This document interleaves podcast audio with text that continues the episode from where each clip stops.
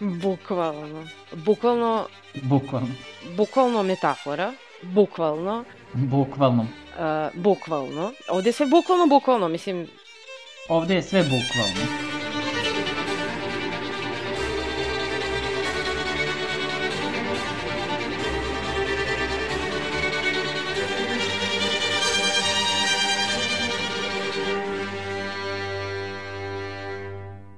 Zdravo svima, dobrodošli u još jednu epizodu bukvalnog podcasta. Uh, ovo nam je specijalna epizoda koju radimo svake godine, a to je epizoda o dodeli nagrada Oscar. Uh, Oscar je dodeljen ove godine, ko su pobednici, kako je protekla sama dodela, da li je bilo skandala, ove, i, i kako je, mislim, šta mi mislimo o tome prvo ko je uopšte nominovan, da li smo zadovoljni sa a, filmovima i ljudima koji su dobili Oscare i, i slične diskusije.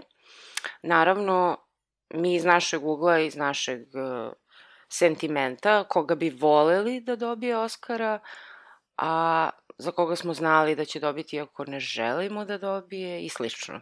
Tako da, da se bacimo sad na tu diskusiju. Prvo pitanje, uh, ja u stvari znam da je Mirjana zadovoljna pobednikom uh, za najbolji film i, i za uh, većinu glumačkih nagrada, pošto je ona mnogo je se svideo Everything Everywhere All at Once. Pa, Mirjana, jesi zadovoljna? Jesam, ali umeđu vremenu te epizode kad sam pričala da mi je Everything Everywhere All at Once bio najbolji film prošle godine, gledala sam Vavilon, pa mi je to postao najbolji film prošle godine, ali kako on uopšte nije nominovan ili no- nominovan samo čini mi se za kostimografiju ili tako nešto. Za muziku, za kostimografiju i uh, produkciju u smislu uh, Dizajn. ambijente. Production designa. Da, production design, Aha. da. I nažalost, Pa da, dobro, za sve tri je izvisio, a to je velika da, nepravda. su- A i to su, ajde da kažemo, manje važni Oscari, ali zaslužio je sigurno bar za production design. Muzika je meni isto bila super, a sad ne znam da li su tu za soundtrack ili za... Za, za sam pesmu. soundtrack. Ne, ne, Za sam soundtrack, soundtrack. aha. Ce, cel, celokupan soundtrack koji je uradio Justin Hurwitz, kog smo spominjali E, to je, u to je onda šteta. Vavilonu. Ne znam ni ko je dobio sad za muziku, ali ovaj, to mi je bilo ubedljivo najbolja muzika koju sam čula. Ja, to nisam znala da ti se promenio omiljeni film u protekloj godini. Uh, pa nisi slušala još epizodu. Dobro, dobro. ne slušaš ni neki, sobstveni podcast. neki skandali u, u našem podcastu. Nema skandala na Oscarima, ali zato ima kod nas. Ali, s obzirom da Vavilon uopšte, znači, za neke glavne nagrade nije bio nominovan, ja sam zadovoljna Oscarima. Mislim, istina da nisam gledala sve filmove, nisam gledala recimo Tar, nisam gledala All Quiet on the Western Front, uh, Banshees of Inisherin, uh, mislim, skoro da ništa nisam gledala. A, a dobro, ajde, ajde počnemo, ajde počnemo od tebe. Šta, šta si gledala od e, stvari koje su se uh, pojavile u nominacijama?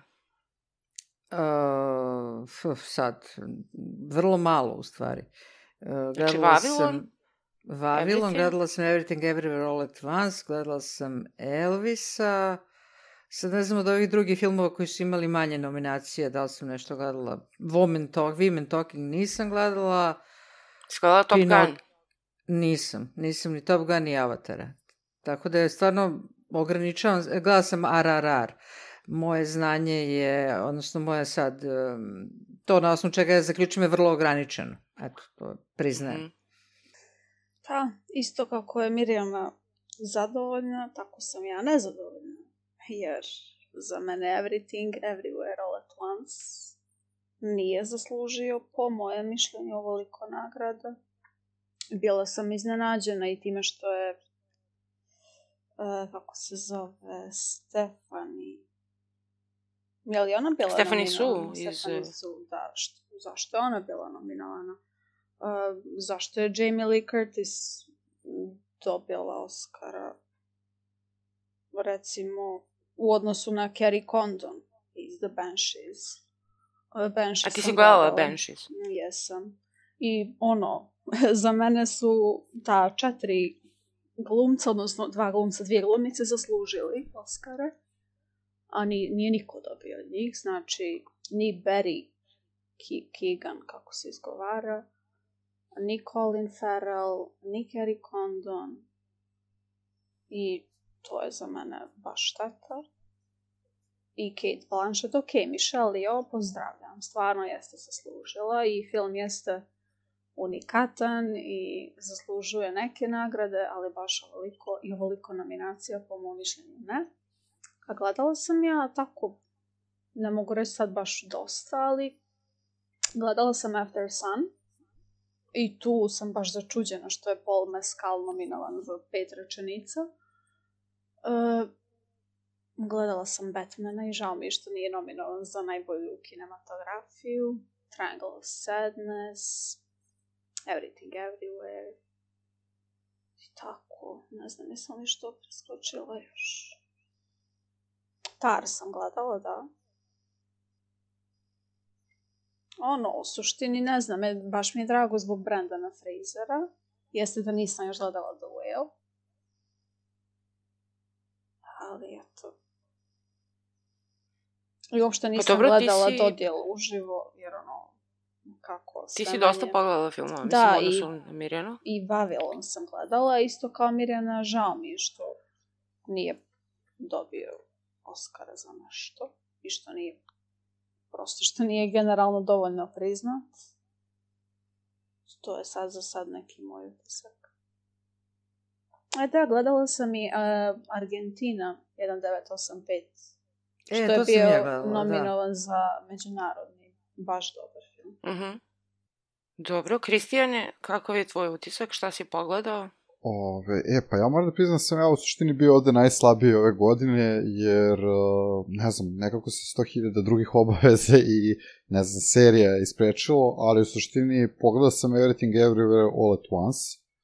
Uh, mene je zapravo iznenadilo da je pokupio toliko nagrada, zato što sam mislio da u najbolju ruku može da dobije za režiju kao za najbolji film, ali jako mi je drago što su u stvari skoro čitavoj glumačkoj postavi dali, barem po mom nekom ličnom mišljenju, zaslužene Oscare, jer tu se po prvi put vidi da je Akademija gledala glas uh, publike.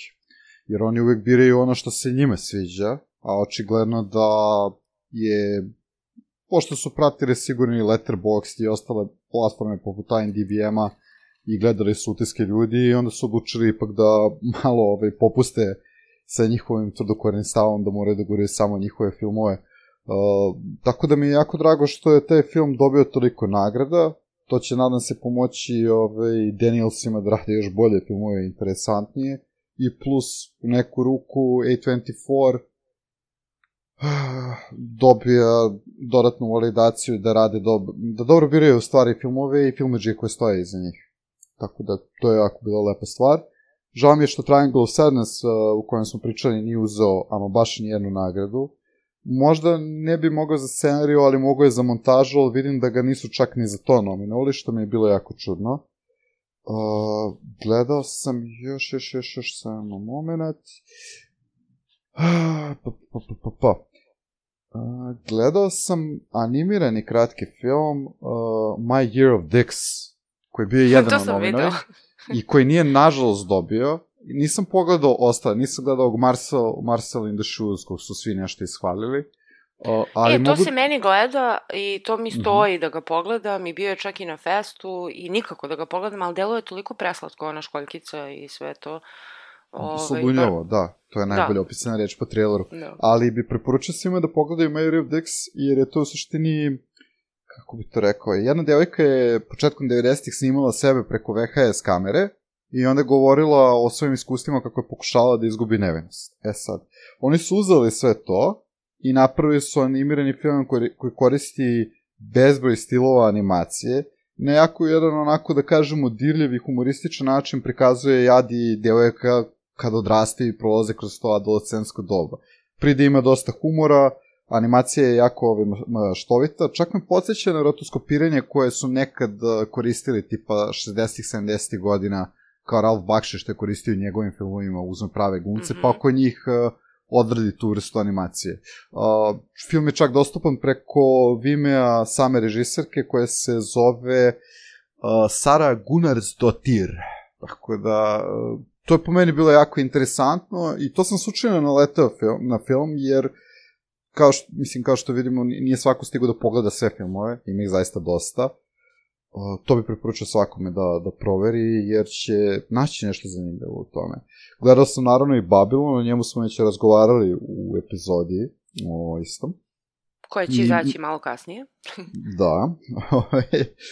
I meni je jako žao što nije uzeo za bilo koje od te tri nagrade za koje je nominovan. Ajde razumem, nekako i da preskoče sve te silne glumce koji su stvarno odradili odličan posao, ali da se ne ode počne zbog muzike, zbog kostimografije i, i jednostavno te produkcije, jer treba neko da vas prenese u svet 1920. godina, a mislim da nije bilo boljeg filma na ovoj listi. Ja su svi ovi ostali filmovi bili dobri u tom svom ideu, ali ne toliko dobri kao Babylon.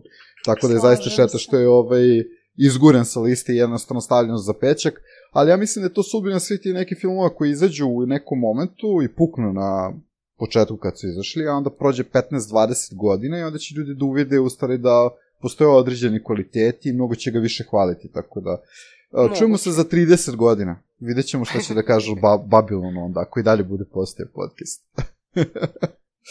Ove, I to sam pogledao i ne znam šta još, evo sad gledam, da, i gledao sam RRR, ovaj indijski film.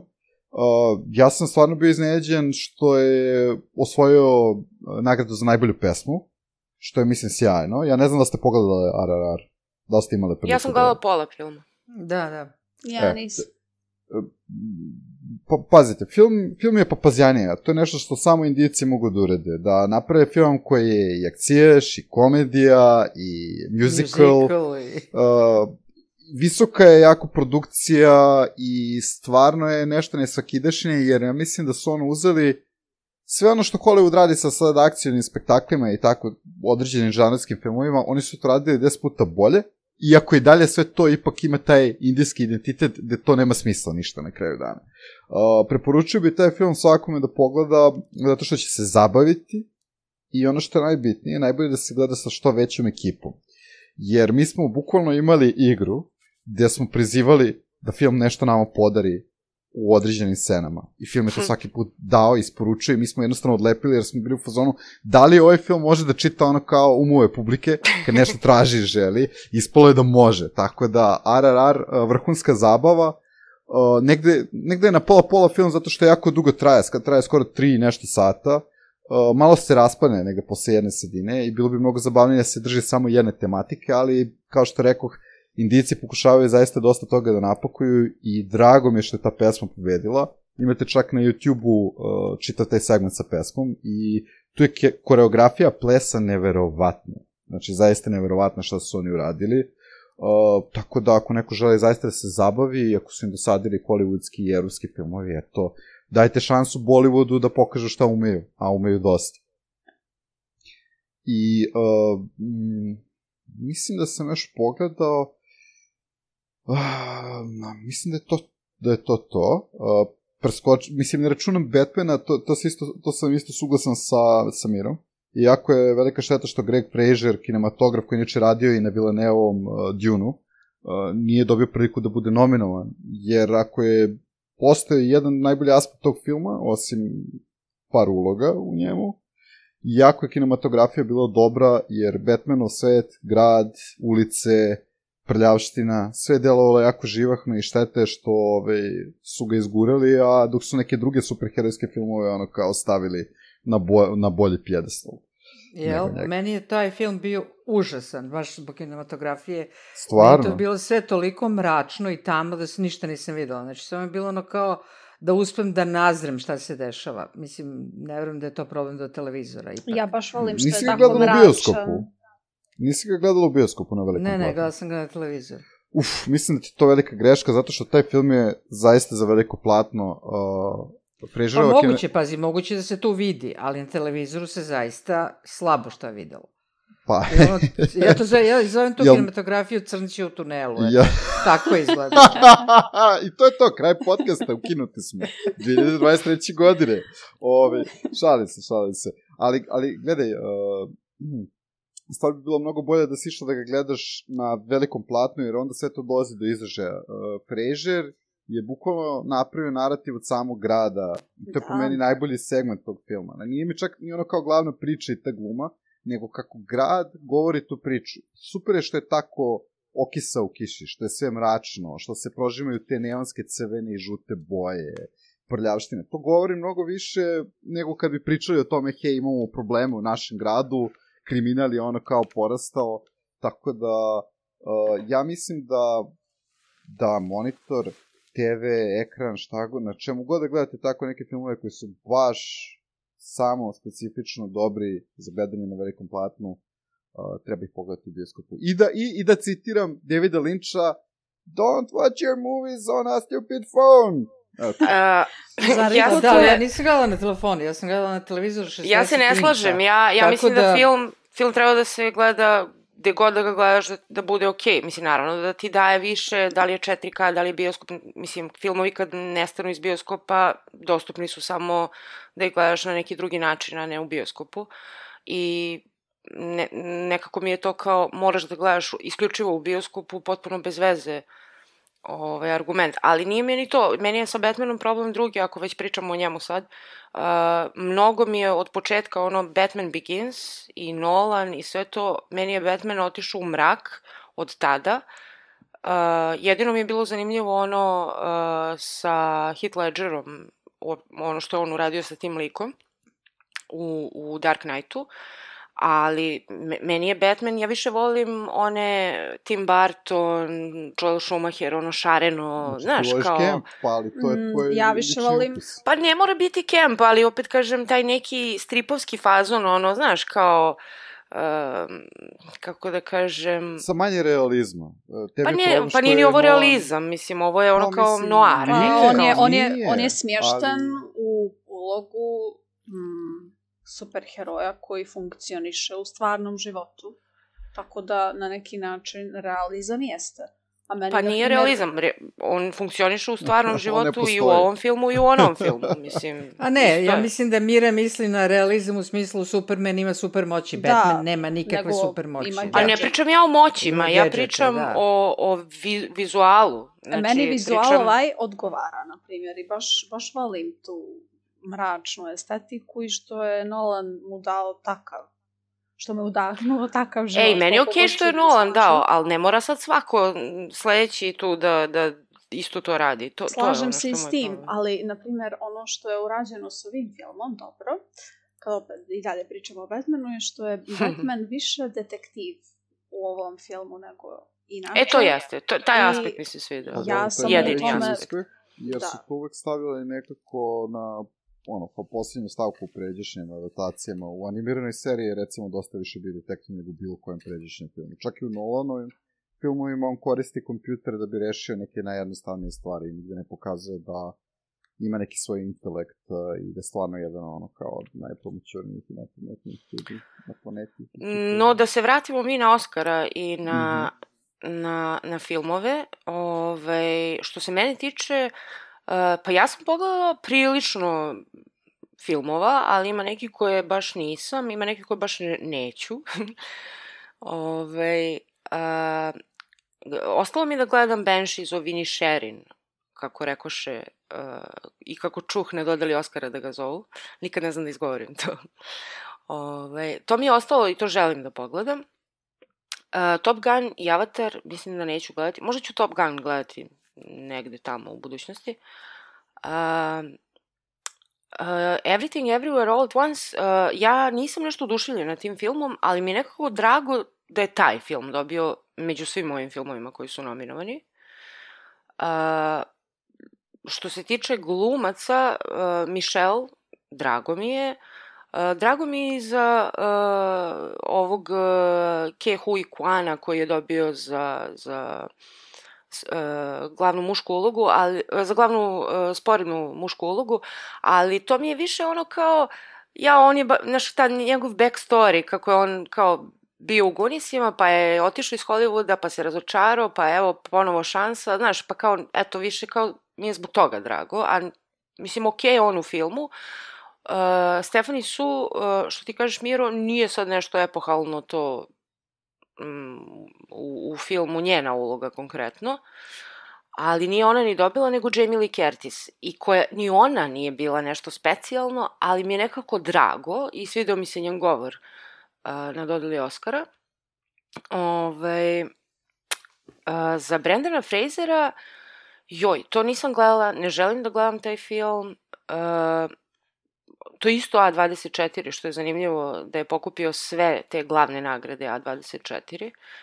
To mi je drago, ali uh, Brandon Fraser je nešto u posljednje vreme kao neki onaj siroče malo, znaš, kao ajde, ajde da ga ovaj, odobrovoljimo, da, mu, da ga ishvalimo, da, i svi su ga hvalili toliko kao evo vratio se Brandon Fraser, jao, Ove, tako da nekako mi je to, tugaljivo mi je to nešto, sve, ceo taj narativ oko njega i on sam kad je izašao da primi nagradu je bio sav nešto pogubljen, sav je bio nešto zahvalan, previše, e, zbunjen, ne znam ni ja, ne, nešto mi tu...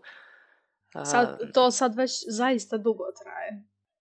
Pa, bu, bukvalno dugo traje, kao da je ono, ne, ne znam, baš je nekako tugaljivo, ne znam neki čudan vibe imam iz toga. A, što se tiče drugih stvari, jedina stvar za koju, ja obično imam to, ove, kad, kad je dodala Oscara, imam ono što ja želim da dobije i navijam, a onda s druge strane mi smo u porodici imali kao tu neku kladionicu Oscara, gde svako napravi kao svoje predskazanja ko će da dobije Oscara i onda se kladimo I uvijek sam ja pobeđivala. Nisi ti uvijek pobeđivala, ali mislim, ako je to tvo, tvoja, tvoj narativ, ok. Ove, fora je u tome da ti kada praviš ta predskazanja, ne možeš da staviš ono što ti želiš, nego je fora da staviš uh, ono što, što će dobiti, jel? I onda možeš da razmišljaš tim njihovim mozgom, što bi se reklo. I, i dosta se izmenila akademija u tom smislu, uh, jer ranije si ti maltene jedan kroz jedan mogao da pogodiš većinu stvari razmišljajući kao oni. I tu je bilo po neko iznenađenje u nekoj kategoriji i tako. Uh, ali sada se to malo promenilo i čini mi se s obzirom da eto uh, koji filmovi osvajaju najbolje Oskare da, da je to malo se pomerilo te mrtve tačke, da, da malo mlađi ljudi učestvuju i glasaju u akademiji. Naravno i dalje ima ovih koji su uh, totalni idioti sudeći po recimo uh, Entertainment Weekly često objavi svake godine ono kao anonimni glasački listić uh, člana akademije i, i sad je objavio, mislim, to pročitajte ako najđete, to je ono totalna katastrofa, ono čovek koji nije razumeo ništa od tih filmova koji su nominovani i sve ishejtovao. A ovaj, jedino što mi je drago uh, i zašto sam navijala i što je dobilo je Sara Poli za uh, adaptirani scenario za Women Talking. Jer ovaj, pogledala sam taj film na festu i baš mi se dopao i baš mi se scenario svideo. A, a drugo, baš volim Saru Poli jer uh, ja ne znam da li ste vi gledali onaj Put za Avonlea nekada. Kad je bilo... Niste gledali Put za Avonlea? Ne, ne. Meni to bilo jedan, mislim, većina nas je to gledala kad je išlo, ja mislim, na BK televiziji ili tako nešto. I ona je tu igrala tu neku sta, Saru Stanley. Ove, I svi smo je gotivili i posle sam ja pratila dalje, ona je glumila u, u raznim nekim filmovima, onda postala režiserka, ali nisam ni jedan film koji ona režirala gledala do sada. Znači, ovo je prvi put da gledam film koji ona režirala i mislim da ću da pogledam i ove prethodne, jer mi zanimljivo mi je to što radi. Slušala sam je malo kako priča uh, o ovom filmu i o drugim stvarima i mislim da je baš super lik i, i baš mi je drago što je, što je osvojila Oscara. Uh, ono što šta je, da, Tar uh, mi se dopao, to sam vam rekla, da sam ga na kraju konačno odgledala, uh, ali sam bila u fazonu kao, bilo bi mi glupo da Kate Blanchett opet dobije Oscar potpuno bez veze. Ove, uvijek je nominovana. E, Maša, pošto si ga ti gledala, Mhm. Jel ti bolja Michelle Yeoh u Everything Everywhere All at Once sa njenom ulogom ili ti bolja Kate Blanchett? Ali e, budi to je sad oni sa te subjektivni... strane. To ti je onaj sad subjektivni moment. Znači, uh, znaš, ono, u akademiji glasaju ljudi, pa ko ima više glasova, taj će pobediti. A što se mene tiče, uh, mene su njih dve obe dobre, s tim što su to dve neuporedive uloge. Uh, znači, to što radi Kate Blanchett u Tar i, i uh, to što radi, znači baš čak i suprotno na neki način, jer ova je totalno hladna ovamo, a ova je ono emotivna. Ove, ali o, obe, obe su mi super, znači tako da jedna i druga da su dobile, zaslužile bi, s tim što Kate Blanchett već ima dva Oscara, pa onda kao navijaš za Michelle, jel? Ove, tako da, uh, to je to, htela sam da spomenem samo, uh, mislim da niko od vas nije gledao Blond, Ne. uh, Ana de Armas je bila nominovana i ona je zanimljivo uh, mislim njena uloga u taj film je onako ne, ne mora ništa da se kaže osim da je dobio uh, nagradu za Zlatnu malinu Da. tako da to je dovoljno, ali Ana de Armas je uh, pokazala nešto što nije pokazala u nekim drugim filmovima što se tiče svoje glume i to mi se dopalo. Uh, šta sam još htela da kažem? Uh, Fablemanove, to mi se ne gleda, to mi je nekako ono, Steven Spielberg pravi film u sebi. Uh, to može da bude zanimljivo, nekad bi mi to možda bilo zanimljivo, ali sad me nešto ne vuče. Elvis, to isto mene zanima, ti biografski filmovi. A, Kad smo kod Fabelmanovih, Michelle Williams je bila nominovana i Jeste. opet nije dobila Oscara. Mislim da ona bila jedno četiri puta nominovana i ništa. Pa kad smo kod toga i Anđela Bassett isto nije dobila Oscara i to mi je jako bilo smešno, ne znam da ste ispratili onaj uh, rep na dodeli BAFTA nagrada Ariana DeBose što je imala. Ne. Ne. Šta se, šta se specifično tu desilo? Pa to je bio kao neki uh, totalno totalno ludački moment gde je uh, Ariana DeBose izašla, imala je neki kao nastup gde je pevala, pa je pevala malo nešto uh, Are, Aretha Franklin, Eurythmics, uh, medley, nešto, znaš ono, Sisters are doing it for themselves i onda je krenula nešto priča o svim ženama koje su nominovane kroz neki rep. I, on, I to je toliko smiješno zato što ona je onako bila i, e, bez vazduha i nekako je malo i falširala i, i onda je nabrajala ovaj, a, ko, je, ko je sve bio nominovan, ali onako kao kroz neki rap fazon i, i sad bi, bile su reakcije ljudi u publici, mislim, te koje ona pominje, oni su bili, svi bili zbunjeni time, ali, na primjer, a, reči tog njenog repa su bile, a, ne znam, a, mislim, to što je bilo viralno je bilo da ona uh, rekla uh, Angela Bassett did the thing. Pošto nabraja ko je šta radio, i onda je rekla Angela Bassett did the thing. Pošto je on- ono, Angela Bassett je skoro uvek nešto nominovana i nikad nije dobila ništa i kao, znaš, ono, bukvalno kao, she did the thing, kao nešto je snimila kao tamo. Ali i kako je ona to izgovorila, pošto je bila sva zadihana, Ove, onda je ispalo nešto kao Angela Bassett did the thing. Znaš kako je bilo smešno? I odmah je postalo mim, naravno. I smešno mi je što pominje Carrie Mulligan uh, u istom dahu kao i uh, ovi drugi glumici. I onda je jedan lirik te pesme ide Hong Chao, Dolly D, Carrie and Carrie with a C. znači, tako glupo. Preloše. I potpuno je fenomenalno. Mislim, uh, obišlo je ceo krug, to je ono što pričamo kad pričamo o kempu. Znači, prvo je bilo ono kao, ovo je, ovo je toliko glupo, a onda dođeš do toga da je, kao, ovo je, ovo je fenomenalno, razumeš?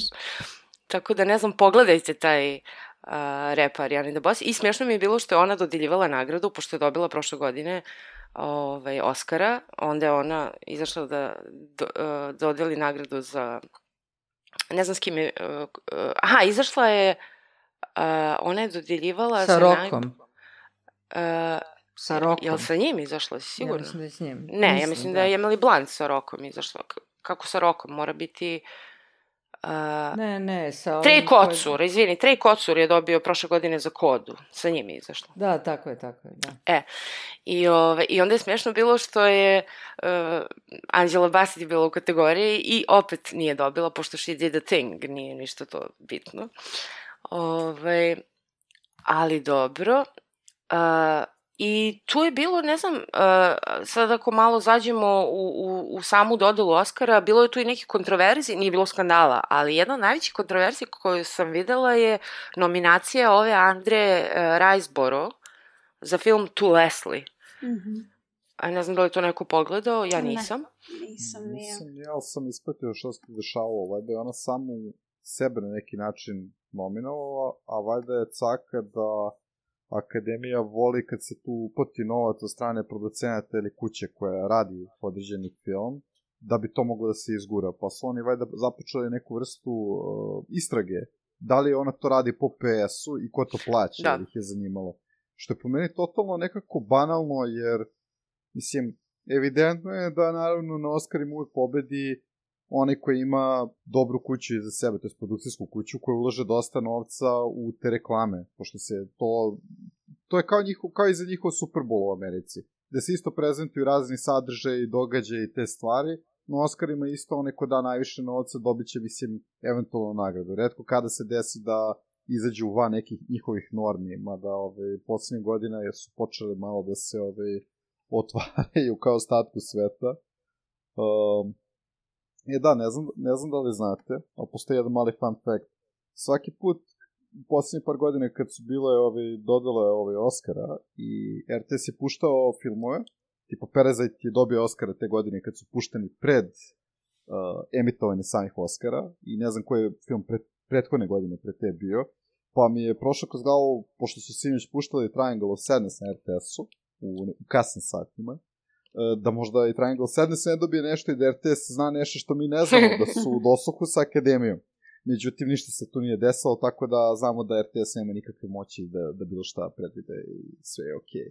E da, imali su jako veliki kiks jer nisu počeli na vreme, iako su napisali ovaj, na njihovom sajtu da će biti uh, živa prezentacija Oscara, kasnije su neki sat vremena, što je, mislim, stvarno ono veliki promašaj. Baš da, to je stvarno promašaj da nisu izračunali koliko traje film i kad počinje Oscar, mislim. Mislim, kogod da je stavio film u 23.30 treba da se upuca, to me podsjetilo na urednike Pinkovog filmskog programa nekada, nekada, jer oni često su stavili najbolje filmove u kasne sate, mislim, ako je budeno u to vreme, jer ako si mlađi, ideš negdje u grad, radiš nešto drugo, ako si stariji, možda ćeš ostati da gledaš, ili ćeš možda zaspati odmah, mislim. Jako Dobro, čudno, to manje više čudno. kad su ga stavili, ali više je problem to što su pregazili live Oscara za sat vremena. Pa, jesu, izabrali su dugačak film. Trebali su da. ranije da ga pusti.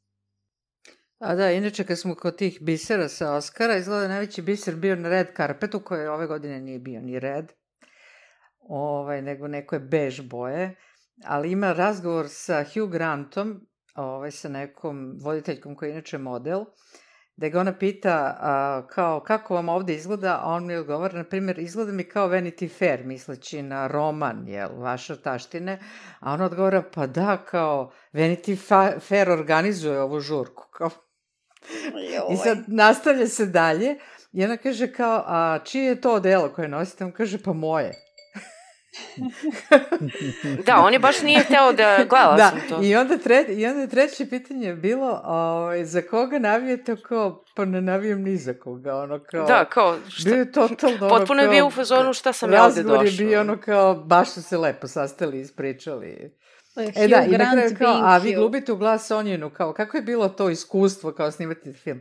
On kao, ja sam bio tri sekunde u tom filmu. da, baš je bio u fazonu ono šta me smaraš. Da, a i voditeljka se nije pripremila, očigledno, jer... Meni to dalo kao suvi britanski humor. Da. I, ono, Pa to je diskusija bila, kao da li je Hugh Grant bio uvredljiv ili je to samo... Ali to je on, on je takav, mislim. Britanci to rade često svima, mislim. Da, i on... je poznato da, da umiju, uzmite Ricky Gervaisa koji je isto prezentovao pre neku godina, koji izvređa sve živo, mislim, izvređa, u stvari rekao je onako stvari kak, kakvima jesu. Da, pustite Britance da drže ove nagrade, bit će uvek zanimljivije. Pa da, ali to baš nije zanimljivo. Mislim, kao, tako hladno. To je kao ono kad je ova, kako se zove ova što je igrala u Big Little Lies? Um, Riz. Ne, ne, ne, ova mlađa, š, uh, Shailene Woodley. A, Woodley, da, da. gde isto su nešto pitali kao, hej, kao, jel si, ne, mislim, ne znam koji kontekst to se bio, nego nešto kao, jesi gladna, nešto, ona kaže, nisam, uh, pa ja sam gladna sam. A ona kaže, a što ne pojedeš nešto, kao, pa ok, poješću. Znači, bukvalno neka glupost od razgovora da. na, na crvenom tepihu. Ono, to kao... sam vidjela i nekako je baš djelovalo snishodljivo, jer e, u fazonu Da, da. vi žene kad se spremate za crveni tepih ne jedete čitav dan. Kao, pa da li si gladna? Baš je Da, tako da. Ali to ti je ono kao, pazi, ti, to ti je ono kao zlatna sredina, zato što ti treba da budeš malo vrcav, nešto tu kao da kažeš, a, da, da budeš kao duhovit, a s druge strane kao i ta pitanja tih ljudi sa crvenog tepiha umeju da budu jako glupa, mislim. Mhm. I naravno kao što kažeš, na, kakav odgovor da bude na glupo pitanje, glup, mislim. A upravo.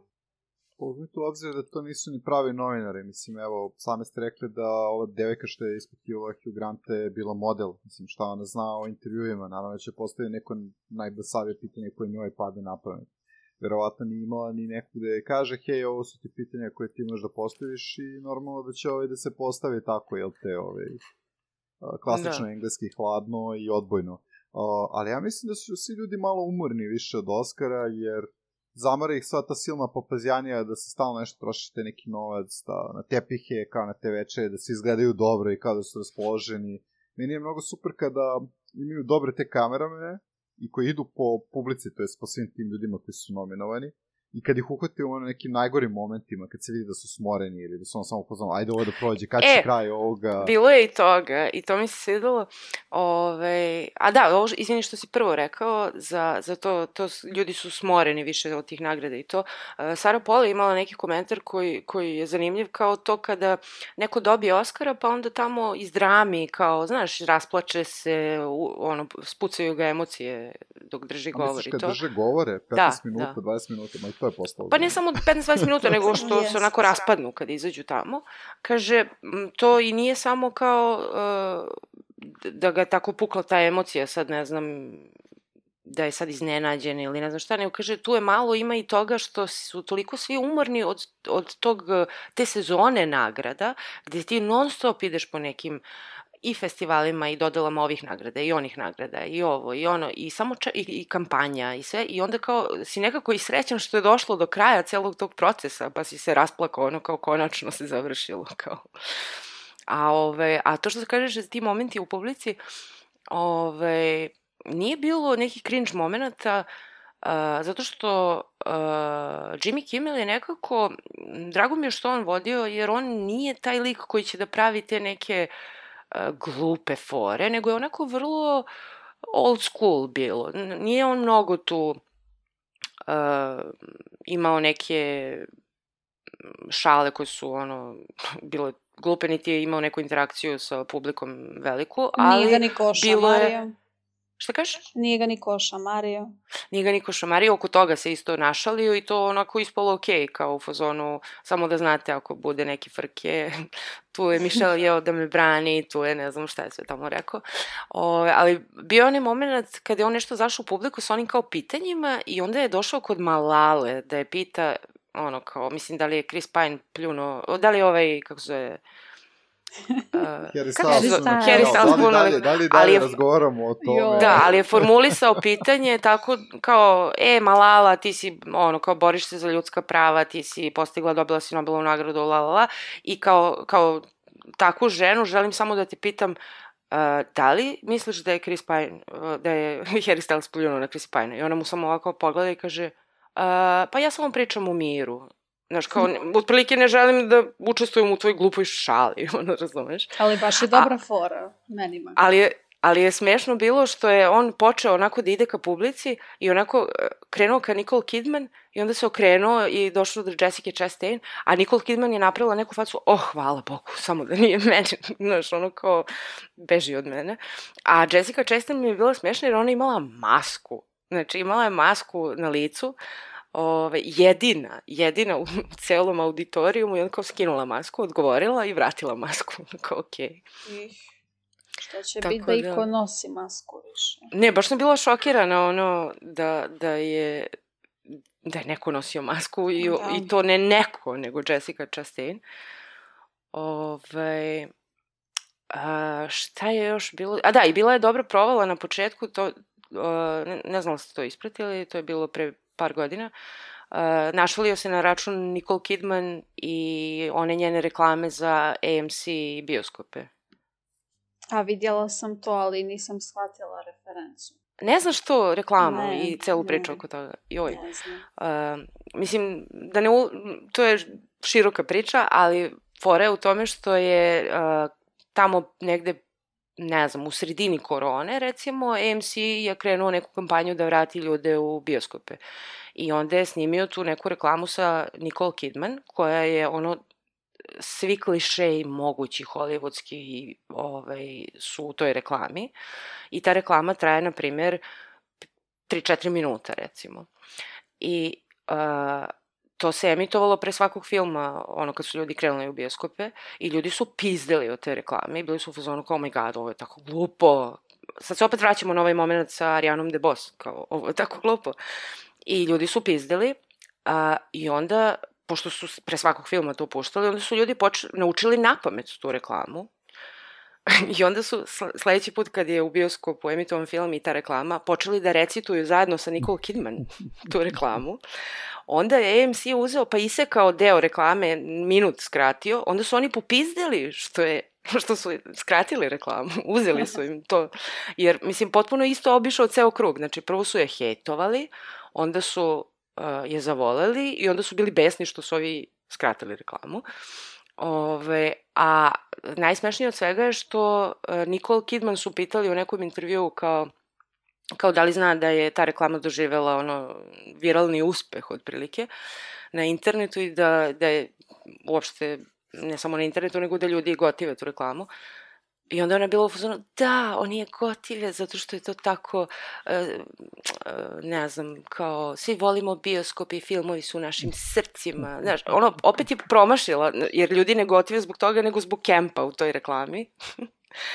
I onda je još smešnije što ona misli da oni vole reklamu zbog onog što ona jeste, a ne zbog kempa. Ja Tako mislim da... da- nije samo svesna uh, moći uh, mema. Jer E, to sam, ne, to sam htela da kažem. danas. Znači, to kad si nesvestan da si deo kempa je ono kao još jedna nadgradnja na taj kemp, ono, tako da... A, ta reklama je fenomenalna, by the way. Ove, I da, i, i rekao je nešto Jimmy Kimmel kao u fazonu, to je baš zanimljiva kampanja da, da emituješ reklamu, da ljudi idu u bioskope ljudima koji su već u bioskopu, kao. Tako da, Pa, To mi je bilo ako, simpa. ako ste, ako ste primetile, pre, prethodne godine u našim biskupima je bila reklama gde iz Erste banke kaže neki glavni bankar, evo, omogućili smo vam da gledate ovaj film, nadam se da ćete uživati, i onda ide logo ođenovski Erste banke. Znači, što Hmm. hmm. će da kaže, bez sponzore nema ništa. pa Nema ni da. filma, nema, nema ni festivala, nažalost, i to je to. Ali, Ali molim vas, ovaj, pogledajte ovu reklamu, mnogo je smešno, ima tako neke zanimljive rečenice i Nicole Kidman i njeno delo i kako ona ugazi u baru i kad sedne tamo i odjednom se pored nje stvori neka uh, čaša sa slamčicom, a pre toga nije bila tu i filmovi koje ona gleda u bioskopu i mislim sve je fenomenalno u toj reklami. Pogledat ću. Um, ne znam što je još što se tiče, tiče same dodale, ja moram samo Pa da imam, sumiram. imam ja nešto što, što se tiče same dodale. Mene je neprijatno iznenadio, iznenadio David Byrne, koji je pevao pesmu Jo, iz da. Everything Everywhere, Everywhere All at Once. Znači, to je izgledalo kao da muzika svira jedno, a on peva drugo. Znači, Ja sam izašla iz prostorije kad je to totalno, bilo.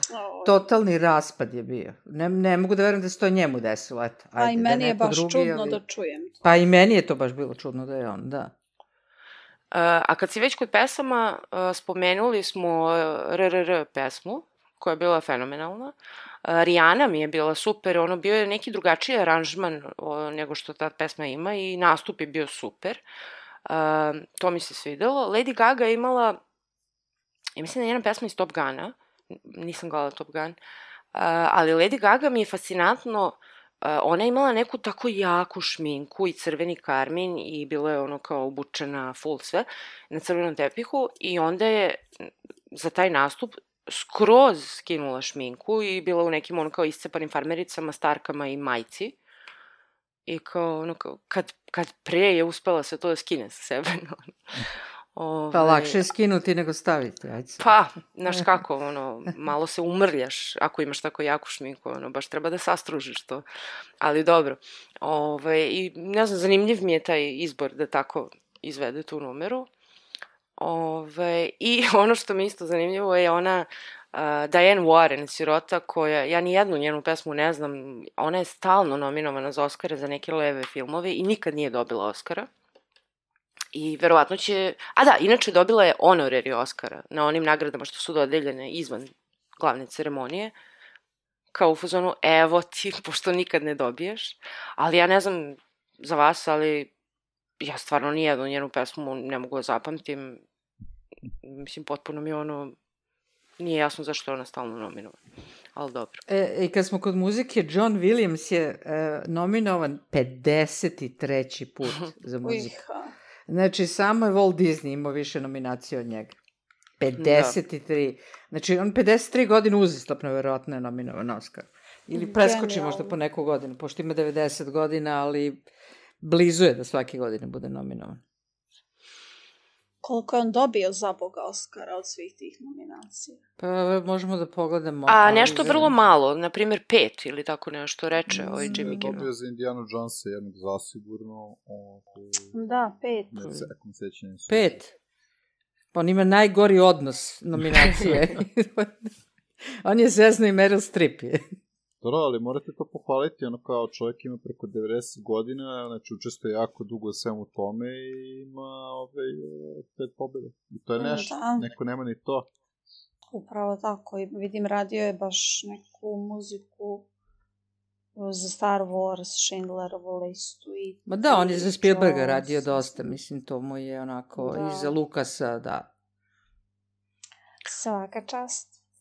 Ove, a da, htela sam samo da sumiram uh, utisak cijele dodale nagrada. Mislim da mi je, nisam nešto oduševljena, ali mi je bilo okej. Okay. Kao da je onako nekako, nije, nije, ne mogu kažem ravnodušna sam, ali onako sve je proteklo kako treba, nije bilo ni dosadno, nije bilo ni...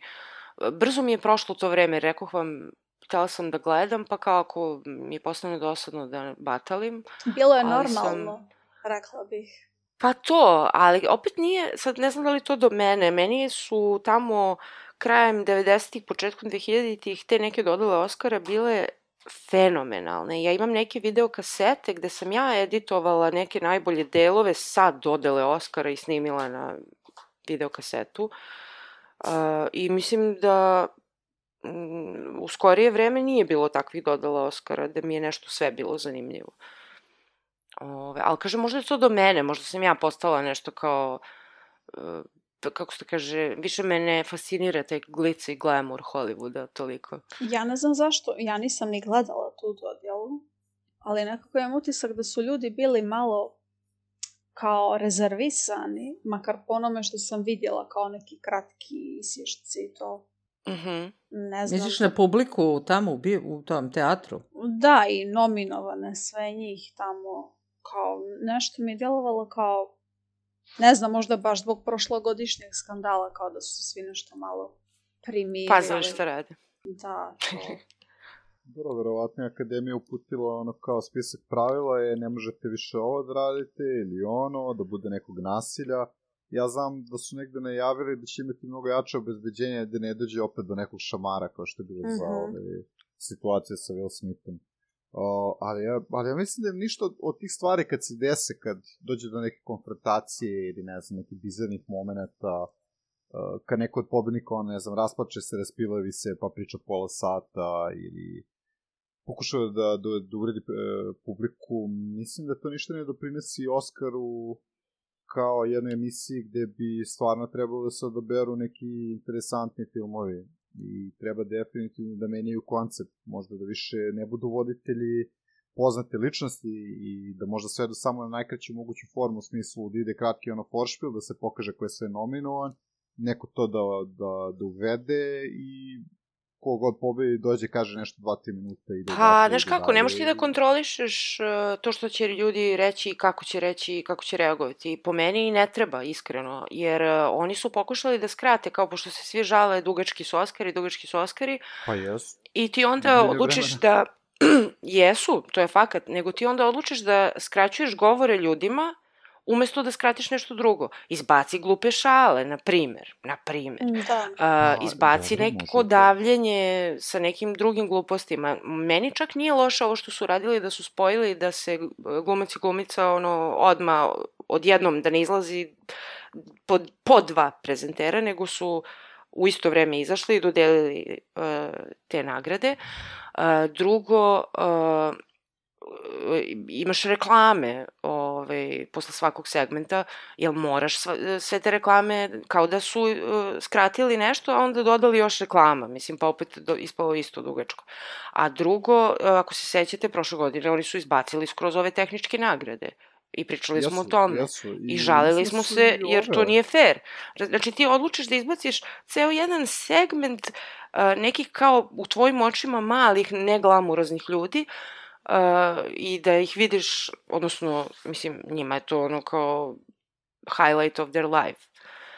Tako da, mislim, i pritom to nije mali doprinos tom filmu za Pa koji su nije, radili. jer odakle oni odlučuju da je neko nebitan za film. E, to. Da. dosta ljudi koji kreiraju sve ovo da bi mi kao publika mogli da sedimo i da uživamo i kasnije da pričamo o tome. Tako je. Da. Isto imaš i ovo za in memoriam. Kako ti odlučuješ ko je važniji i ko je umro? Mislim, to je tek E, onako morbidno. To mi je bilo bizarno, jer uh, izostavili su par, par ljudi sa liste ove godine. To sam vidio jer sam gledao klip, vidim da su uh, Angelo Badalamenti u odali počest. On je radio muziku za većinu Yes. Lynch'ovih filmova. Ali recimo, izostavili su ovu uh, Shelby iz Triangle Sadness što je preminula, nažalost, previše mlada devojka što je imala glavnu ulogu.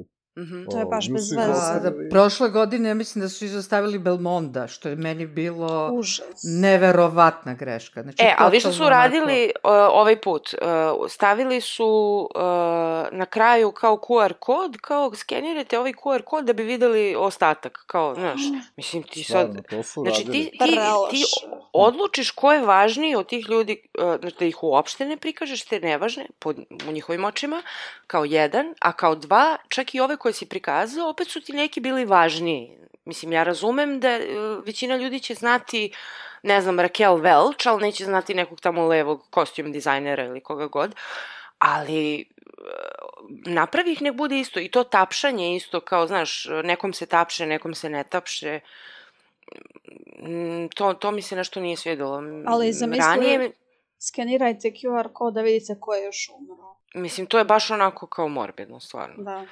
Ove, tako da... Uh, Pa eto, ne eto im rešenja, evo ljudi, evo rešenja kako ustraju Oscari da, da se svedu QR kod. Da nema uopšte live prezentacije ili bilo čega, samo skineš QR kod Pa i ti je, kaže ko je je. pobedio, ko je izgubio, ko je preminuo. Izađe Uh, Nicole Kidman i kaže skenirajte ovaj QR kod i To vidite bi bilo sve. sjajno. I Ali to je mora to da kraj. bude onako, da, da izgleda kao da je izašla sa seta Northmana, uh, kao da su je duhovi zaposeli njenih predaka i da je luda skroz i da govori ovaj QR kod donosi sve odgovore na vaše Sa pitanja. australijskim naglaskom. Sa australijskim akcentom. Može, može, može. I Da. Hugh Jackman ja da sam se da pojavi kažem u isto. vezi E, samih dodela. Meni uvek najdosadniji deo bio, su bile pesme.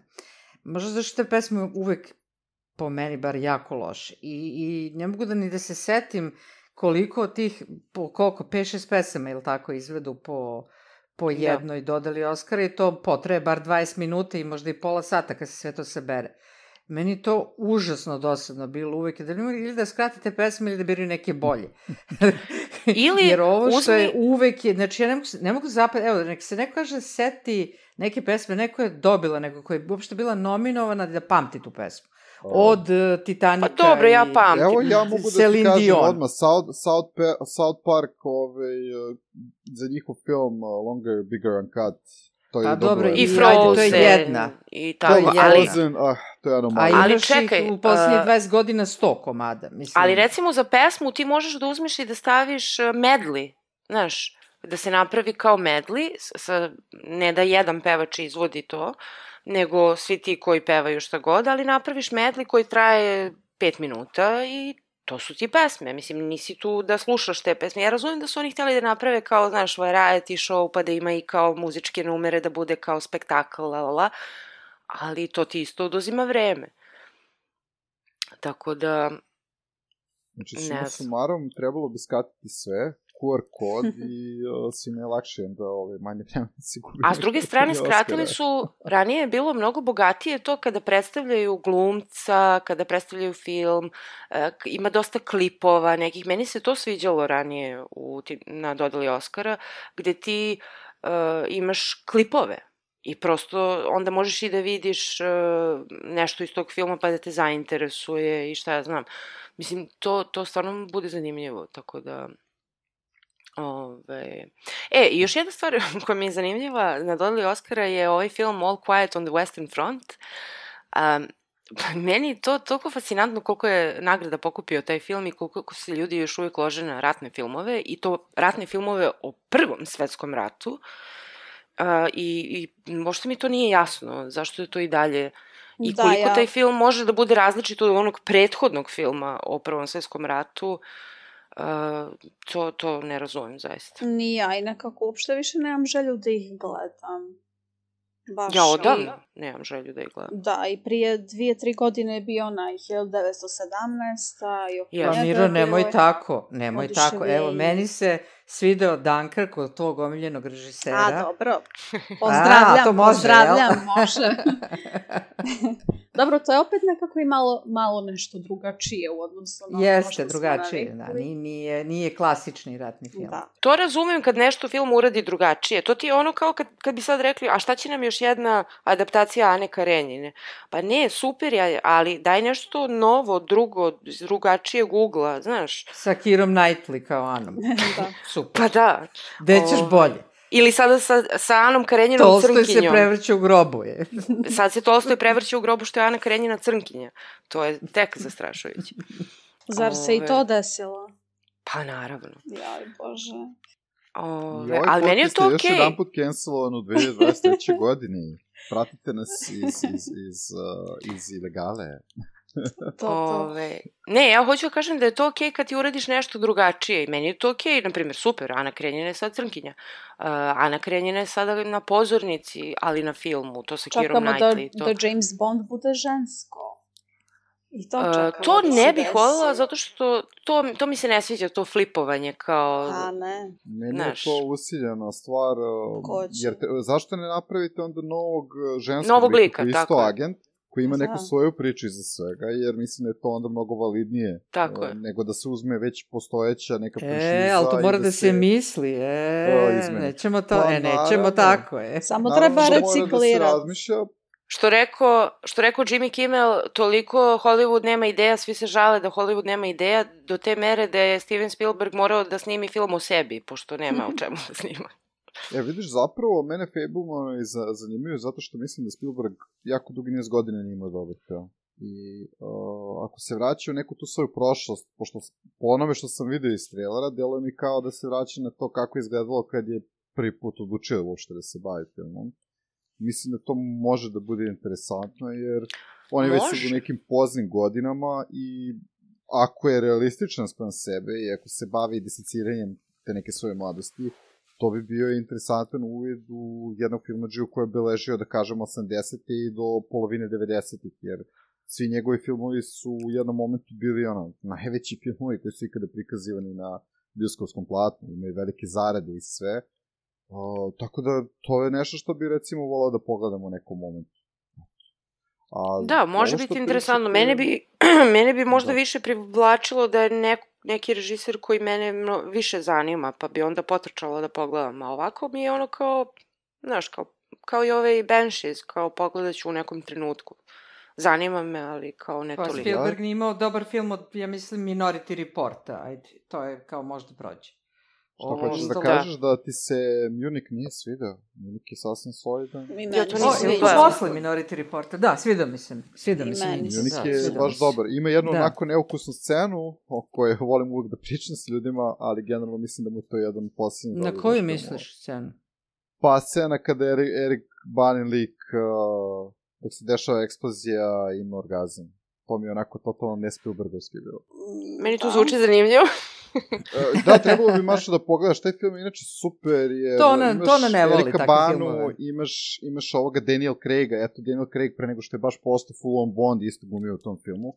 Taj film se bavi tim istorijskim događajem i poprilično je ozbiljan film. Mislim, neću da Da, kažem da, se Spielberg sviđa. pravi uh, dečje filmove. Mislim, radio je i Da. to, ali Ja ga više za to nekako- vezujem.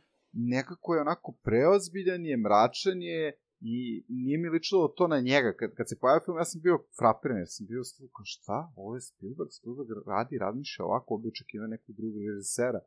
Ali mislim, na stranu te scene, film je generalno zaista jako dobar. Uh, I to je baš poslednji film njegov koji mi se svidio, jer ovo sve posle što je izlazilo, ono sa onim pilotima, uh, Ready Player One, Ready One Player je One užasan. je Užasan. negledljiv film. To je film koji se sastoji od milion referenci, koji je stvari kao da ga internet pravio. Mislim, Hm. koliko ste razumeli, i ta knjiga koja je nastala. Da, i ta je knjiga je tip- tako, da. To je neki tip koji je u stvari veliki uh, ljubitelj pop kulture i pokušao je u jednu knjigu da ubaci sve što voli. A, taj film je negledljiv zato što nema likova, sve je isprazno, sve su neke referencije, se sećate ovoga ili onoga i nemate Spielbergove magije koje je on uvek imao u filmovima. Čak i kad uradi polovičan film, taj film je gledljiviji od ostalih hollywoodskih filmova.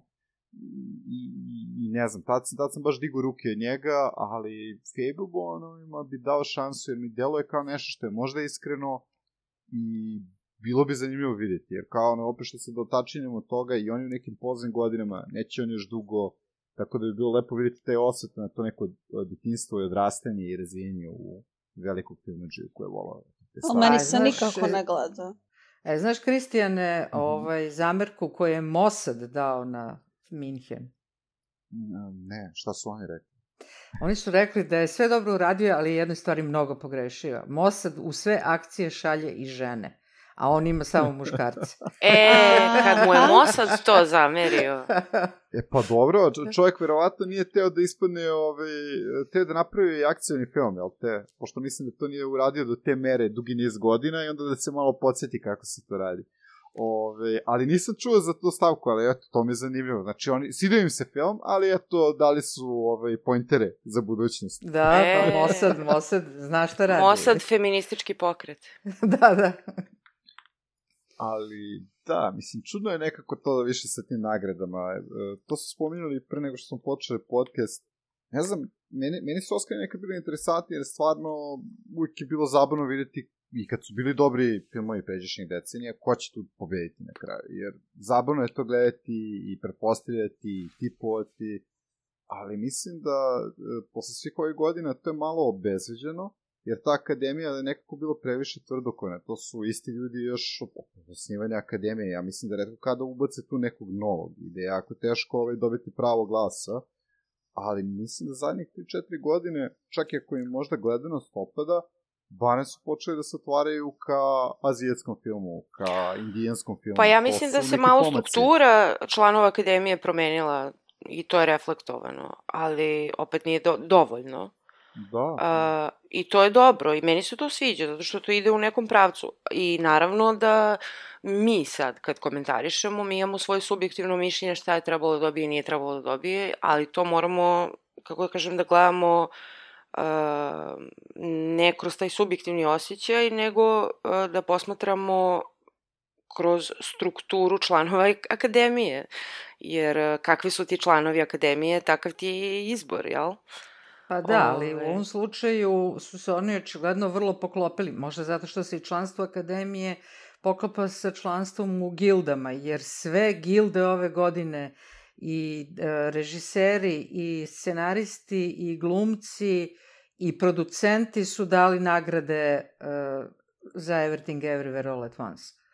Znači, Pa on je da. apsolutno izdominirao. Ja sam čak htela da se kladim, da odem u neku kladionicu da se kladim, da će e, Everything Everywhere dobiti sve nagrade, ali su bile jako loše kvote. Pa da. Jer su svi očekivali da Već je će viđeno. dobiti. Da. Pa dobro, eto, to je jedna lepa stvar. Film koji je djelovao kao da možda i ne zaslužuje nijednu nagradu, uspio je da se izbori sa možda mnogo jačim imenima koji su tu bili u igri. Uh, inače, ne znam da li, da li to znate, ali Everything Every, Everywhere All at Once je najnagrađivaniji film sada na svim Oscarima. Ima najviše nagrada od svih filmova koji su ikad učestvovali, što mi je jako fascinantno. Znači da je jedan film koji je modern, koji je trenutan, da je uspeo toliko da izvuče. Jer uglavnom, jedan film ne postigne da pokupi sve nagrade na kraju. dana. A, pa Da, on nije, ima ne, nije nego to baš tako. sigurno. Lord of the Rings Sigurno- je dobio 11. Da, tako, 11, da. Samo- da. Do duše manje vrednih, ajde ako gledaš da nisu dobili za glumačke nagrade, ali su sve ostalo pokupili. A apropo, uh, ovaj, uh, Lord of the Rings, uh, Return of the King, uh, to mi je malo zasmetalo u govoru. Uh, Jamie Lee Curtis je rekla kao, eto, ja sam kao glumila i uh, ono, borila se za žanrovske filmove i kao konačno sad, eto, kao neki žanrovski film da dobije, što nije tačno, jer je Nije. The Return of the King ne samo što je dobio, nego je dobio 11 Oscara, što je rekord. Da, Da, Pa nije ona na to mislila. Ja Pa dobro, to je žanrovski da film. se ona- Pa nije to žanrovski, ja mislim da ona se- mislila na horror filmove. Više, zato što je kraljica horora, da, i zato što je... Pa dobro, i ovo, Everything Everywhere All at Once nije horror, sigurno. I dobila je šansu da prikaže da, mislim, po meni Jamie Lee Curtis je dobra komičarka, ja ne znam da li ste gledali neke filmove iz 90-ih s njom, tipa Riba zvana Vanda. Naravno. sa Da, da, kako da ne. Pythonovaca. Meni je jedno, i dalje jedno od najdražih komedija, jer ima dosta neke istine između tih muško-ženskih odnosa i plus su fore super i dobro su ostarile. I uh, mislim da je to dobar pomak akademije što su i njoj dali u, ovaj, Ja sam nagradu. tako ishvatila njen govor. Ni ona mislila kao, e, Nije- dali ste mi za žanru. žanrovski film, a mislim kad se kaže žanrovski film, uglavnom se misli na horror filmove, a, nego ona htela da kaže da nju gledaju uglavnom kao glumicu koja je ovaj, iz. Halloweena. Da. Uh, I ona je i rekla jednom prilikom, uh, ja, ok, imam te poznate roditelje i glumila sam u raznim filmovima, ali ja mislim da ja kad umrem, na mom spomeniku će pisati Jamie Lee Curtis, glumica iz Halloweena. Ove, a i A to je lepo što se zahvalila ove, u- k- kad je rekla da je ovaj, da su njeni roditelji oboje bili nominovani za, za Oscar, ali nisu dobili, ali evo ona je dobila za njih sve zajedno. I, uh, mislim, njen govor je bio kratak i, i lep i onako bila je emotivna, što je super i drago mi je što je dobila. Ove. E sad to je onaj moment, da li ona baš zaslužila, da li je ta uloga u odnosu na ove druge uh, nominovane bolja ili lošija, to je drugo, ali mi je drago što je dobila, tako da... Ja, i Ali meni je drago što je dobila, ali samo mislim, nije prvi put da Akademija nagradi žanrovski film. Mislim, žanrovski, Tako je. kažem, E, ne, nije, nije kao klasična drama, nije prvi put, to svakako Pa ne, nije. ali žanrovski film kao horror film, ja ne znam da je neki Pa ali film osvojio najbolji horor, film. jedi, izvini Maša, znam tvoju preveliku ljubav prema hororu, ali horor nije jedini žanr.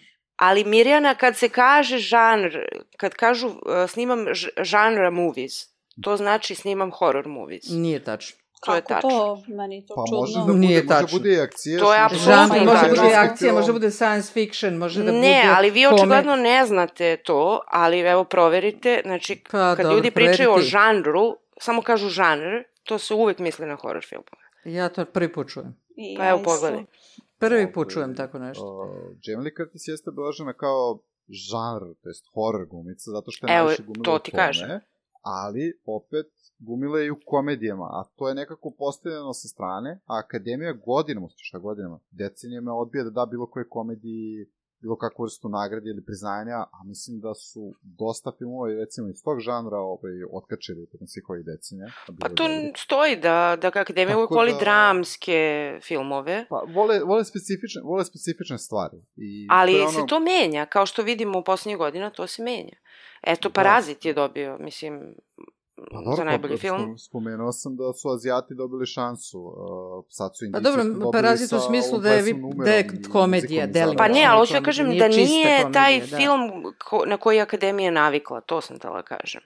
A, Dobro. ove, a, šta sam tela da kažem, nikako da se vratim na to, da, da je uh, Everything Everywhere All at Once imao neki moment pred kraj godine, ono kad su ljudi sastavljali liste najboljih filmova, što mi je neverovatno, da, da je onako postao neki toksični fanbase u jednom trenutku se javio, gde, gde su ljudi koji su fanovi filma pljuvali ljude što nisu uključili everything na svoje liste i, i onda su režiseri, ovi Danielsi, morali da reaguju i da budu u fazonu kao hej, kao nemojte da hejtujete, budite cool.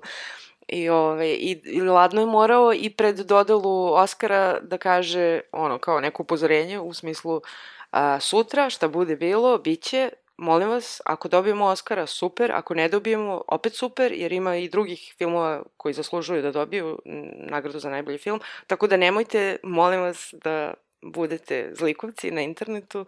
Znaš, ono, pro, prosto mi je neverovatno da, da su fanovi tog filma koji je ono kao o, o prihvatanju, o porodici, o ljubavi koja pobeđuje sve i tako dalje, tako bliže. Da, da, da ima fanove koji su u fazonu, ono, hejteri, tako da... Ali toga će od uvek biti to, uh, to bilo koje, ono, film ili serija ili franšiza mogu da imaju, mislim, pogledaj samo Star Wars fanove, Star da. Trek fanove, Witcher fanove, pobogu, ono, kao, svi ljudi mogu da se pogube u tome, jer jednostavno na internetu ta neka anonimnost daje ti sigurnost da možeš da opališ po kome god poželiš, kada god poželiš i da budeš nekontrolisan.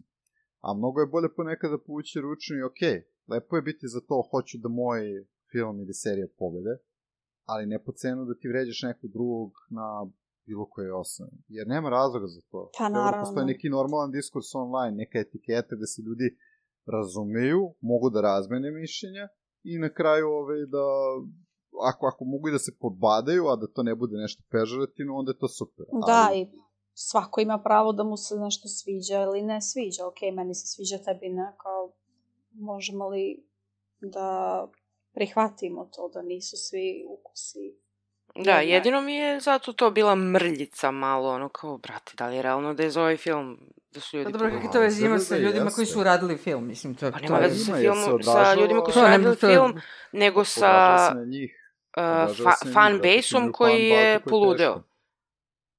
Pa dobro, to je To je očekivano. U eri interneta uvek će neko da poludi.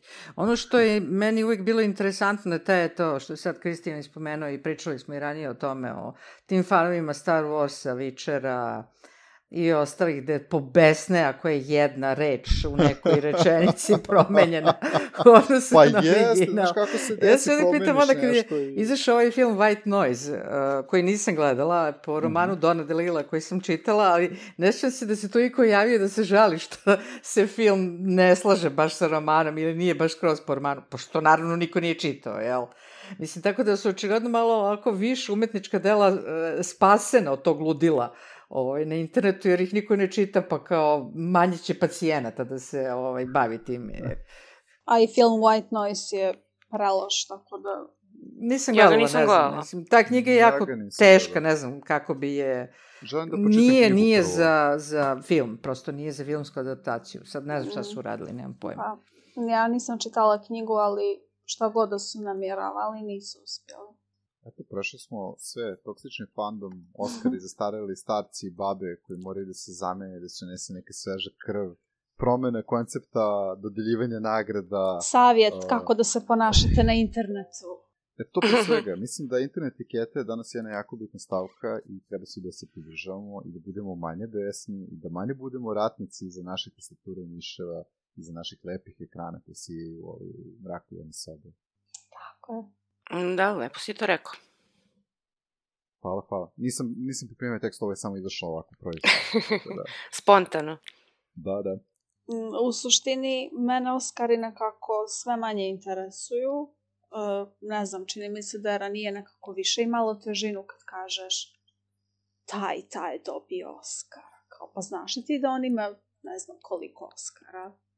Nekako imalo je više težinu ali naravno da volim da čujem da je neko kao sad, evo što kaže Kristijan, da su Azijati više u fokusu, to mi je drago što se mijenja, mm -hmm. mijenja se dinamika, mijenja se ono što je obično najzastupljenije, sad malo se to razno, više raznolikosti i to podržavam ali ne znam da li ću ikad više ispratiti neku dodjelu. Kao samo pročitam ko je šta dobio, vidim ima li kakav mim i dobro je to. Eto, ja ću nastaviti da gledam zato što, ono, od uvek sam voljela da gledam Oscare i Meni ono, zabavno. nadaću se, pa da, da, nadaću se da, da će biti sve bolje i bolje, jer ne može biti gore od ovog što je bilo proteklih godina. I ja prethodne godine nisam gledala, mislim da prvi put nisam gledala ono live Oscara. A, prosto bih volela da, to što ti kažeš, da to kad, kad se kaže ovaj dobio Oscara, da to ima neku težinu. A, sad i to je diskutabilno, znaš, šta smo mi, bili smo mlađi, šta smo mi smatrali.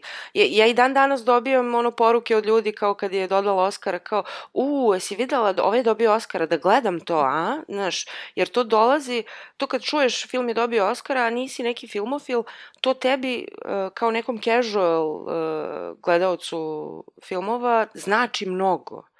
I to mi se baš često dešava da ljudi koji ne gledaju često filmove uh, uvek kad čuju da je nešto dobilo Oscara, kao, u, da li da gledam ovo, onda se ja nekad nerviram, jer kao, mislim, to nešto što je dobilo Oscara ili šta godinu, kao, daj, to je glup film, gledaj da. ovaj drugi, znaš. Nije Oscar merilo. Nije be, merilo, ali prosto Nije, je za neke... Neko je običan gledalac koji nema vremena toliko da konzumira filmove, e, njima to, to, to. znači, njima je to im vreme pokazatelj. da potražuju sav taj sadržaj. Tako da treba da postoji Oscar kao nagrada i dalje, jer to olakšava ljudima koji nisu ono toliko pasionirani da mogu da nađu nešto za sebe, ali mislim da definitivno treba da promene formu i način na kako to prezentuju. Uh, to jedino može da se desi ako se ta akademija naravno skroz izmeni, u smislu da dođe još novih ljudi, mlađih ljudi koji su malo otvoreniji i da promene koncept emisije ako žele da ostanu i dalje relevantni, jer na kraju će da se svedu na QR kod i na tweetove. Da. To će biti to. Um, ne znam, pa ja da, sam... ali znaš, pitanje je sad kako uopšte mogu da, da. promene koncept, a da se svide Gen Z-u koji ne Mogu. može da se otkači dva minuta Verujem mi da Gen Z ni ne gleda Oscare. Tako. Pa ne gleda, pa da, ali, da, ali prosto se menja, menja se publika. Znaš, oni koji su stariji to više ne gleda ili, si, ili su pomrli, ovi koji su mladi, oni sad neće to tako više uopšte gledaju, neće ničemu da posvete tri sata, a ne gledanju... Pa dobro, pa dobro ali to je proces. generalizaciju, uh, to je, da, da da i ove nove generacije koje se više bave sada tim društvenim mrežama i svime, e, sigurno imaju neke interesovanja za određene filmove kad se to promoviše na način koji je blizak njihove generacije. Ja sam recimo siguran da, su, da je neko uvrstio recimo film koji smo isto obradili Buddies, Buddies, Buddies, koji je poprilično onako generacijski jedan film, da je on bio nominiran za nešto, pošto ima tu gumac, gumaca i gumica koji su bli, bliži uh, mnogo mlađim naraštajima i ima muziku koja je bliža mlađim naraštajima, da bi to njima bilo interesantno da vidi da li taj film može nešto da osvoji, jer priča o nečemu što je sada trenutno.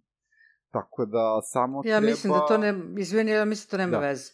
Da uopšte nema veze koji je izbor filmova. Uh, prosto taj koncept gledanja dodela Oscara kao nije interesantan za mlađe generacije, pa makar tu bili njima naj, uh, najdraži filmovi. Sad pitanje je šta su njima najdraži filmovi, ono, verovatno je zato i uvedeno pre nekoliko, i možda i više, deseta mhm. godina, koliko sad ima, deset nominacija za najbolji film, pa uvek ubace ove blockbustere, kao što je sada bio Avatar ili Top Gun.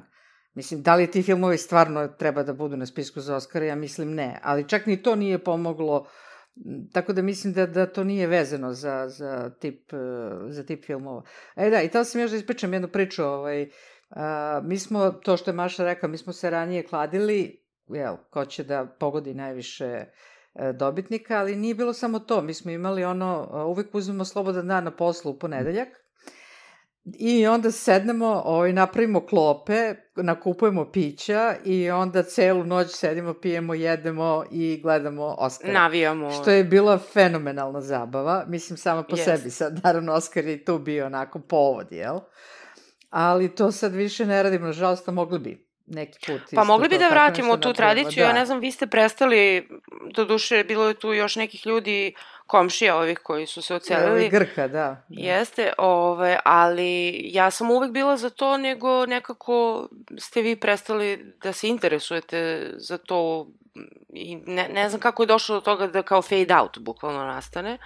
Ali meni je to bilo kao neki ritual i zato kažem da volim dodelu Oscara jer, jer mi smo godinama to radile. Uh, I, ove, i, I uvek volim, to mi je kao ono neka kruna filmske sezone, ono, pa još plus taj moment klađenja i da li si pobedio, nisi ti pobedio, jer ti, kao i ti učestvuješ kao nešto možeš da pobediš, to, tako da, mm, zanimljivo Mislim, je. To je jako, jako lepo običaj što ste imali, šteta što ste ga ono postavili, jer ove, Uh, to je još jedan pokazatelj da, da takve stvari mogu da privole ljude da provode vreme zajedno. Kao što nekome bi bilo super možda, ne znam, utakmica futbola ili košake da gledaju Jest. kao porodično.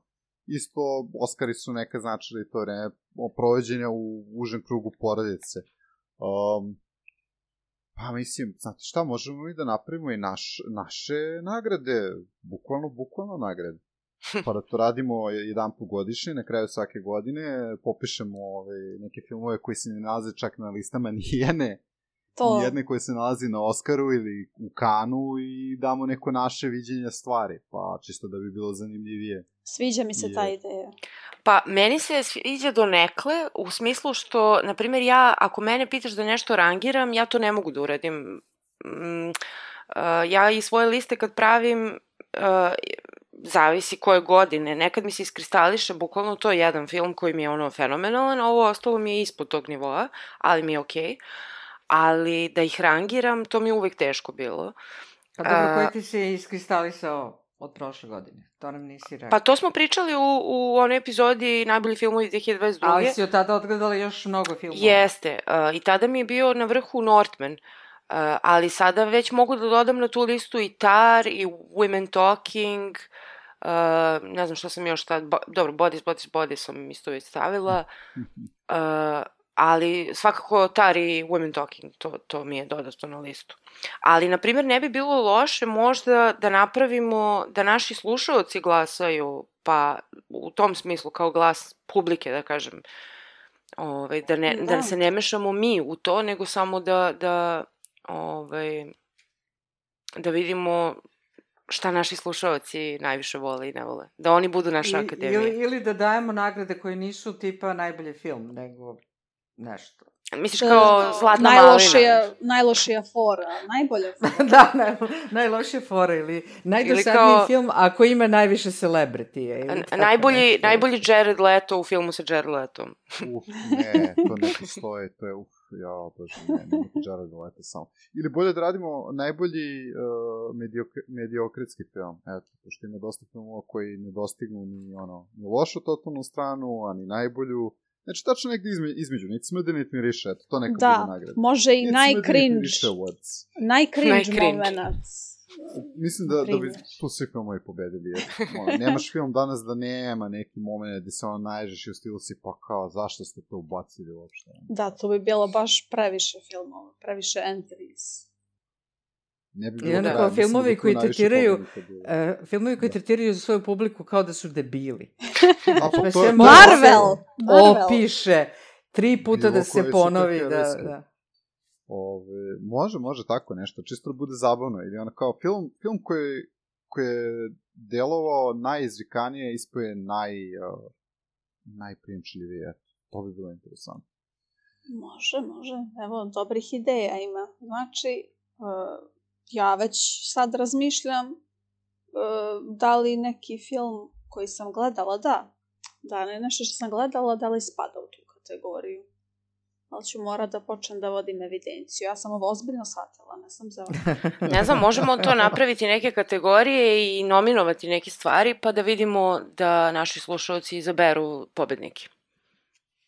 Da. Pa, Da ih dobro, ne to biramo bi bila mi. loša ideja i to može da se uradi recimo preko Instagrama i storije. Da se napravi poll, pa da onda ljudi glasaju, stave se recimo po dva filma na jedan story, pa vidimo koji dobije najviše glasova i onda onda nese titulu za određenu nagradu.